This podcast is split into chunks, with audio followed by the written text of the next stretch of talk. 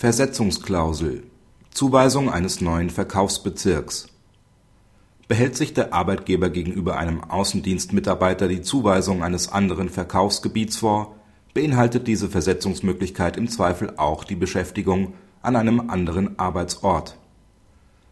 Die Arbeitnehmerin ist als Pharmaberaterin im Außendienst tätig. Im Arbeitsvertrag ist ihr das Arbeitsgebiet AB 926 zugewiesen. Ferner ist vereinbart, dass der Arbeitgeber zur Zuweisung eines anderen Gebiets berechtigt ist. Anlässlich verschiedener kündigungsrechtlicher Auseinandersetzungen weist der Arbeitgeber der Arbeitnehmerin ein anderes Vertriebsgebiet zu. Dieses liegt nicht wie das ursprüngliche Gebiet in Sachsen, sondern zwischen Göttingen und Magdeburg. Die Arbeitnehmerin steht auf dem Standpunkt, dass sie aufgrund der vertraglichen Vereinbarung nicht verpflichtet ist, an einem anderen Arbeitsort zu arbeiten. Nach Auffassung des BAG ist die Versetzung dem Grunde nach von den vertraglichen Vereinbarungen gedeckt. Bei der Tätigkeitsbeschreibung und/oder der Festlegung des Arbeitsorts gilt, dass die Befugnis des Arbeitgebers dem Arbeitnehmer unterschiedliche Aufgaben oder einen anderen Arbeitsort im Wege des Direktionsrechts zuzuweisen umso weiter geht, je allgemeiner die Beschreibung gehalten ist.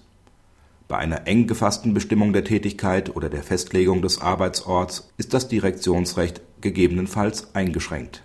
Der Arbeitgeber kann dann nur noch die beschriebene Aufgabe zuweisen und Veränderungen gegebenenfalls nur einvernehmlich oder im Wege der Änderungskündigung herbeiführen. Dabei ist zu beachten, dass wenn ein bestimmter Arbeitsort festgelegt ist und gleichzeitig der Arbeitsvertrag die Möglichkeit des Einsatzes im gesamten Unternehmen vorsieht, die Beschränkung auf den im Vertrag genannten Arbeitsort regelmäßig nicht möglich ist. Es macht nämlich keinen Unterschied, ob sich der Arbeitgeber die Bestimmung des Arbeitsorts von vornherein gemäß § 106 Gewerbeordnung vorbehält oder zunächst ein bestimmter Ort im Vertrag festgelegt wird und sich der Arbeitgeber ausdrücklich die Zuweisung eines anderen Orts vorbehält im Streitfall haben die Parteien die Tätigkeit im Arbeitsvertrag auf einen bestimmten Außendienstbezirk festgelegt. Sie haben aber gleichzeitig bestimmt, dass sich der Arbeitgeber die Zuweisung eines anderen Gebiets vorbehält. Damit haben die Parteien klargestellt, dass § 106 Gewerbeordnung gelten und eine Versetzungsbefugnis in einen anderen Außendienstbezirk und damit auch an einen anderen Arbeitsort bestehen soll. Ob der Arbeitgeber sein Weisungsrecht nach billigem Ermessen ausgeübt hat muss die Vorinstanz noch aufklären.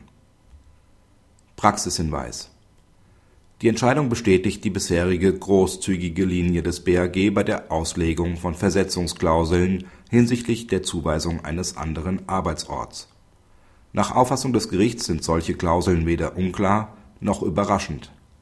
Wenn allerdings ein Risiko hinsichtlich der Vertragsauslegung vollständig ausgeschlossen werden soll, empfiehlt es sich, im Arbeitsvertrag sowohl hinsichtlich der näheren Inhalte der geschuldeten Tätigkeit als auch hinsichtlich der Festlegung des Arbeitsorts lediglich auf die gesetzliche Regelung des § 106 Gewerbeordnung zu verweisen